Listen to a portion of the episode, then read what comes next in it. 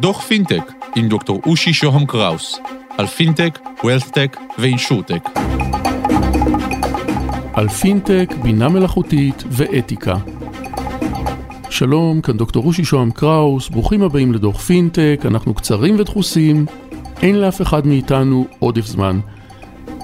והיום פרק שונה מעט על אתיקה ובינה מלאכותית, נושא שרלוונטי מאוד גם לטכנולוגיות הפינטק. על הקו משם עבדול חלים מאינטואיט ישראל. הישאם שלום ותודה שאתה איתנו. אהלן שלום. הישאם, פינטק, בינה מלאכותית, איפה הם מתקשרים בעצם בימינו? אוקיי, okay, אז ככה, אז מאז ומתמיד עולם ההונאות המתקדם, בוא נגיד ככה, התבסס על uh, בינה מלאכותית, כאשר uh, פיתוח אלגוריתמים מבוססי Machine Learning, מה שנקרא, היה הליבה למלחמה נגד הונאות בעולם הדיגיטלי, או, או העולם האונלייני בעצם. והרבה חברות פיתחו ועדיין מפתחים פתרונות המבטיחים רמת הגנה מסוימת על כל השחקנים בעולם הפיננסי המודרני, הכוונה אם זה ללקוחות שמשתמשים בשירות הזה ואם זה לחברות שמספקות את השירות הזה. Uh, אזור אחר זה כמובן uh, מה שאני ורבים מכנים היועץ החכם, היכולת לנבא ייעוץ פיננסי ברמה מדויקת יותר, אה, אם זה לנותן שירות או ללקוח, לדוגמה לספק פרדיקציה מסוימת על יכולת החזרת הלוואה בסכום מסוים לפי נתונים שהאלגוריתם אוסף ולוקח אותם בחשבון, או נגיד המלצות לסוחרים מסוימים איך להתנהל לפי אירועים שקורים בעולם, קח את דוגמה, דוגמת הקורונה עכשיו, אז כנראה יש, יש עסקים מסוימים שנפגעו או, או אה, הושפעו יותר מעסקים אחרים בעקבות זה, לכאן ולכאן, לטוב ולרע. והיכולת לנבא את הדברים האלה בהתבססות על דברים שקורים בעולם יכולים לעזור הרבה לסוחרים להתנהל ולתכנן את העתיד הקרוב רחוק שלהם בצורה יותר טובה. אה, דוגמה נוספת שקשורה לעולם הדיגיטלי בכללי ובתוכו עולם הפינטק זה לבנות אה, אוטומציות מבוססי בינה מלאכותית אה, לתהליכים פנימיים וחיצוניים של החברה. לדוגמה צ'טבוט, היום ברגע שאתה נכנס אה, לחפש שירות מסוים או תשובה לשאלה מסוימת באתרי אה, ספקיות השירות האונלייני, אז אנחנו נתקלים הרבה בשירות שהוא יותר דיגיטלי, צ'טבוט, שהוא מבוסס, יש מקרים רבים שהוא מבוסס על בינה מלאכותית.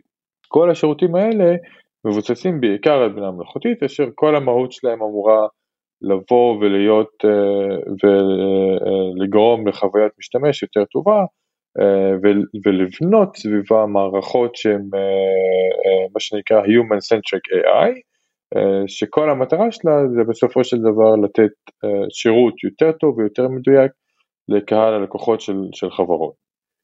בעצם איך נכנס עם זה ככה הנושא של אתיקה לבינה מלאכותית ואולי לקישור של זה עם פינטק אפילו. כן, אז uh, המחקר שלי בדוקטורט הוא בנוי סביב הטענה כי אתיקה מחוללת איכות. הכוונה שברגע שאנחנו uh, משתמשים באתיקה uh, ככלי, אז uh, בסופו של יום זה אמור לבוא ולתת לנו בתור חברה וגם בתור uh, uh, לקוחות uh, שירות באיכות יותר טובה. ונרחיב על זה טיפה. תהליכי פיתוח תוכנה uh, עד שנות ה... מתחילת שנות ה-70 עד uh, לפני עשור התבססו על כל מיני תיאוריות מסוימות וגישות שונות ועם הזמן השיטות פיתוח הלכו והשתנו עם הזמן, התאימו את עצמם לעולם יותר מודרני, שיטות פיתוח יותר מודרניות היום הם בעצם הליבה של של קבוצות פיתוח בחברות קטנות או גדולות, ולכן עם הזמן גם תהליכי אה, הבטחת איכות התוכנה הלכו והשתנו בהתאם. והיום בתור אה, אנשים שמשתמשים בשירותים שמבוססי גם אה, בינה מלאכותית ולא רק, אנחנו אה, בתור לקוחות אמורים לבוא ולסמוך על, על החברות האלה שיעשו את העבודה שלהם כמו שצריך ולספק את השירות בצורה אמינה ובטוחה אה, לקהל היעד שלהם. עכשיו, היום בתור אה, עולם שהולך ומתעצם ומשתמש יותר במוצר, במוצרים שהם מבוססי בינה מלאכותית, אנחנו רואים הרבה מאוד שאלות אתיות תוך כדי הפיתוח שאמורות לבוא ושאמורות להשפיע על יכולת הצריכה שלנו וגם על, ה, על ההשפעות, אם הן הכלכליות שלנו, אם הן השינוי התנהגות שלנו, וכמובן בהיבט מאוד רחב ומאוד מדובר היום זה כל הפרטיות שלנו. אז ברגע שאלגוריתם מקבל החלטה מסוימת על, על לקוח, הרי בסופו של דבר כל האלגוריתמי, לא הכל, אבל רוב אלגוריתמי בינה מלאכותית, המטרה שלהם לבוא ולתת החלטה או המלצה מסוימת לחברה או ללקוח. וברגע שאנחנו עושים את זה בצורה כזאת, אנחנו אמורים לספק לאלגוריתם הזה כמות מידע מסוימת, ואנחנו אמורים לבוא ולחשוף או, או, או לספק לו את האפשרות אה, להבין אה, מה הדבר הכי מתאים לנו. ומכאן נכנסת אה, השאלה האם אנחנו, איך אנחנו עושים את זה בצורה נכונה ואיך אנחנו מוודאים שההחלטה שהאלגוריתם בסופו של דבר לוקח היא החלטה הנכונה שמבוססת על, על היבט אתי במובן של אספקת שירות מקצועי, אתיקה מקצועית מצד אחד ומצד שני בהיבט אתי בהיבט אתי שהוא יותר מבוסס על, אה, על מורל, על אתיקה במובן המוסרי יותר. ופה יש הרבה מאוד דילמות, ואם אני אקח תגיד דוגמה אה, מעולם הפינטק, אז אה, אנחנו היום מתבססים הרבה על, על נתונים פיננסיים של, של לקוחות, כל חברה עושה את זה בצורה שלה, ואנחנו אמורים לבוא ולספק את השירות בהתבסס על, אה, על נתונים שאמורים באמת לעזור בדיוק של ההחלטה ולאפשר ללקוחות שלנו גם אה, ליהנות משירות שהוא באיכות אה, אה, גבוהה ככל שאפשר. אתם באיזשהו אופן כאילו מנווטים את השירותים באמצעות ערכים אה, מוסריים שאותם אתם אה, מכניסים לתוך ה-AI? יש פה שני אספקטים בעצם, האספקט הראשון זה צורת הפיתוח של האלגוריתמים האלה, ושם אה, חברות נוטות לבוא ולפתח אלגוריתמים בצורה מסוימת, אה, שיכולה להשתנות לפי אה, תחום העיסוק, וכמובן לפי הערכים המוטמעים בתוך החברה, ומה שהחברה בעצם מצהירה גם כלפי חוץ וגם כלפי העובדים. וזה אספקט אחד. מצד שני, יש גם את, מה שקורה בפועל. שזה בעצם ה, ה, איך שהשירות או איך שהאלגוריתם מתנהג ב, בסביבת live מה שנקרא, ממש בשטח. ושם מסיבות כאלה ואחרות וגם מההוויה של בינה מלאכותית ומהעיקרון של בינה מלאכותית אפשר לראות אנומליות מסוימות, זה בסדר, אבל החיבור של איך אתיקה מתקשרת לזה זה האם אנחנו בתור מפתחי תוכנה עשינו, או לקחנו בחשבון היבטים אתיים תוך כדי פיתוח והאם גם אחרי שראינו שדברים קרו לא כמו שתכננו בחלק מהמקרים, האם תיקנו אותם לגרסאות הבאות. אה, יש לך אולי בראש לתת לי איזושהי דוגמה יותר אה, ספציפית על אה, מקרים מסוימים או על דברים מסוימים שאתם מנסים לתקן או שאפשר לתקן ולשפר? כמובן. אז אם ניקח העולם שעכשיו מתחיל להתאבות, זה עולם הרכב האוטונומי, ועולם הרכב האוטונומי הוא, אני אישית מאוד פשנט uh, about מה שנקרא, ואני מאוד uh, מסתכל על מקרים ובוחן את העתיד בכל, בהרבה מאוד צורות, והיכולת לבוא לתקשר לרכב ערכים תוך כדי פיתוח זה משהו שהוא יכול להשתנות בכל כך הרבה מובנים ויכול לעשות אדפטציה לכל כך הרבה אה, חברות שונות, אה, הוא יכול לעשות, אה, להשפיע על, על תרבויות בצורה שונה לגמרי. ואם ניקח מקרים שהיו בעולם היום, אז באמת רכב אוטונומי הוא עדיין לא חלק אינטגרלי מהחיי היום יום שלנו, אבל אנחנו רואים את זה גם בפרסומות שלה, גם בפרסומים שלה ובמחקרים של החברות רכב, וגם גם ממש חלק אוטונומיה של רכב זה מתחלקת להרבה מאוד רמות, אז כבר רואים את המערכות האוטונומיות בחלק מהרכבים וברמה מסוימת. וראינו מקרים שבה בכל מיני מבחני, אה, מבחנים שחברות רכבים עשו לאחרונה בשנים האחרונות, אז ראינו בעצם שרכב שקיבל החלטה לא נכונה גרם למוות של אנשים.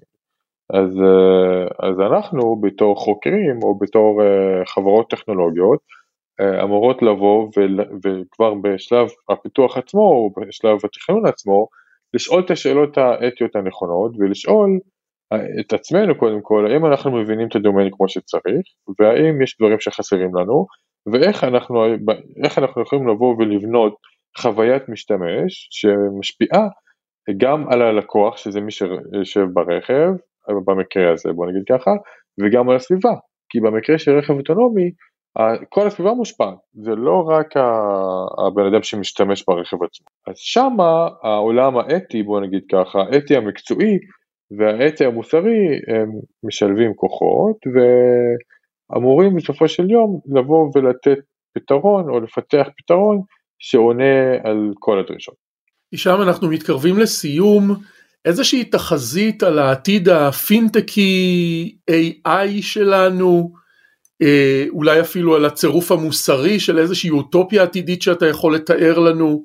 כמובן, אז אני בתור מישהו שחוקר בינה מלאכותית וגם עוסק בזה כבר כמה שנים במגוון חברות, אני מאוד, אני מה שנקרא, כמו שהאמריקאים אומרים big fan, אני מעריץ גדול של בינה מלאכותית, אני חושב שזה עתיד, אה, העתיד שלנו יכול להיות מאוד מושפע בצורה כל כך חיובית, אה, אם נשתמש בכוח הזה בצורה טובה, אה, as a force for good, מה ש...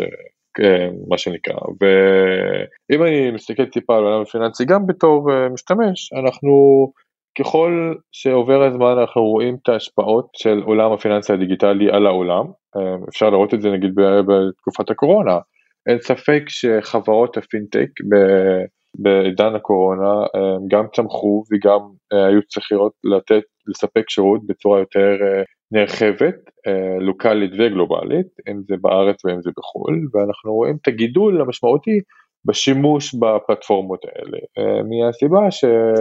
שברגע שאתה מצליח לגרום לדברים לזוז ולנוע, אה, גם כשאתה מוגבל ושיש פנדמיה בעולם, אז, אז אתה תרצה לעשות את זה, וגם בתור עסקים, עסקים ירצו להמשיך ולגדול ולספק את השירות שלהם ככל שאפשר, וגם הלקוח, הקונסומרים, הצרכנים, ירצו להמשיך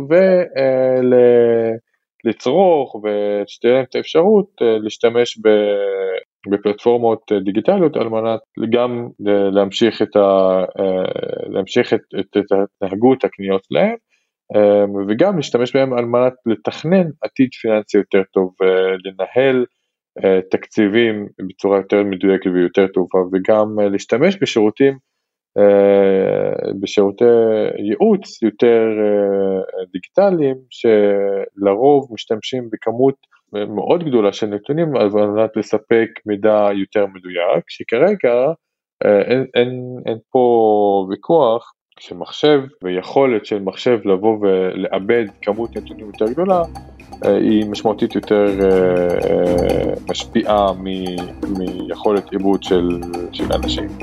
לכן אני כן רואה שאנחנו הולכים בכיוון, וזה מאוד, אין פה חידוש, אנחנו רואים את זה בכל כך הרבה מובנים, שהכלכלה שלנו תלך ותתבסס יותר ויותר אה, ותשתמש באלגוריתמי בינה מלאכותית על מנת להבטיח לנו ולילדים שלנו כמובן ולדורות הבאים עתיד פיננסי יותר טוב ופחות סיכונים.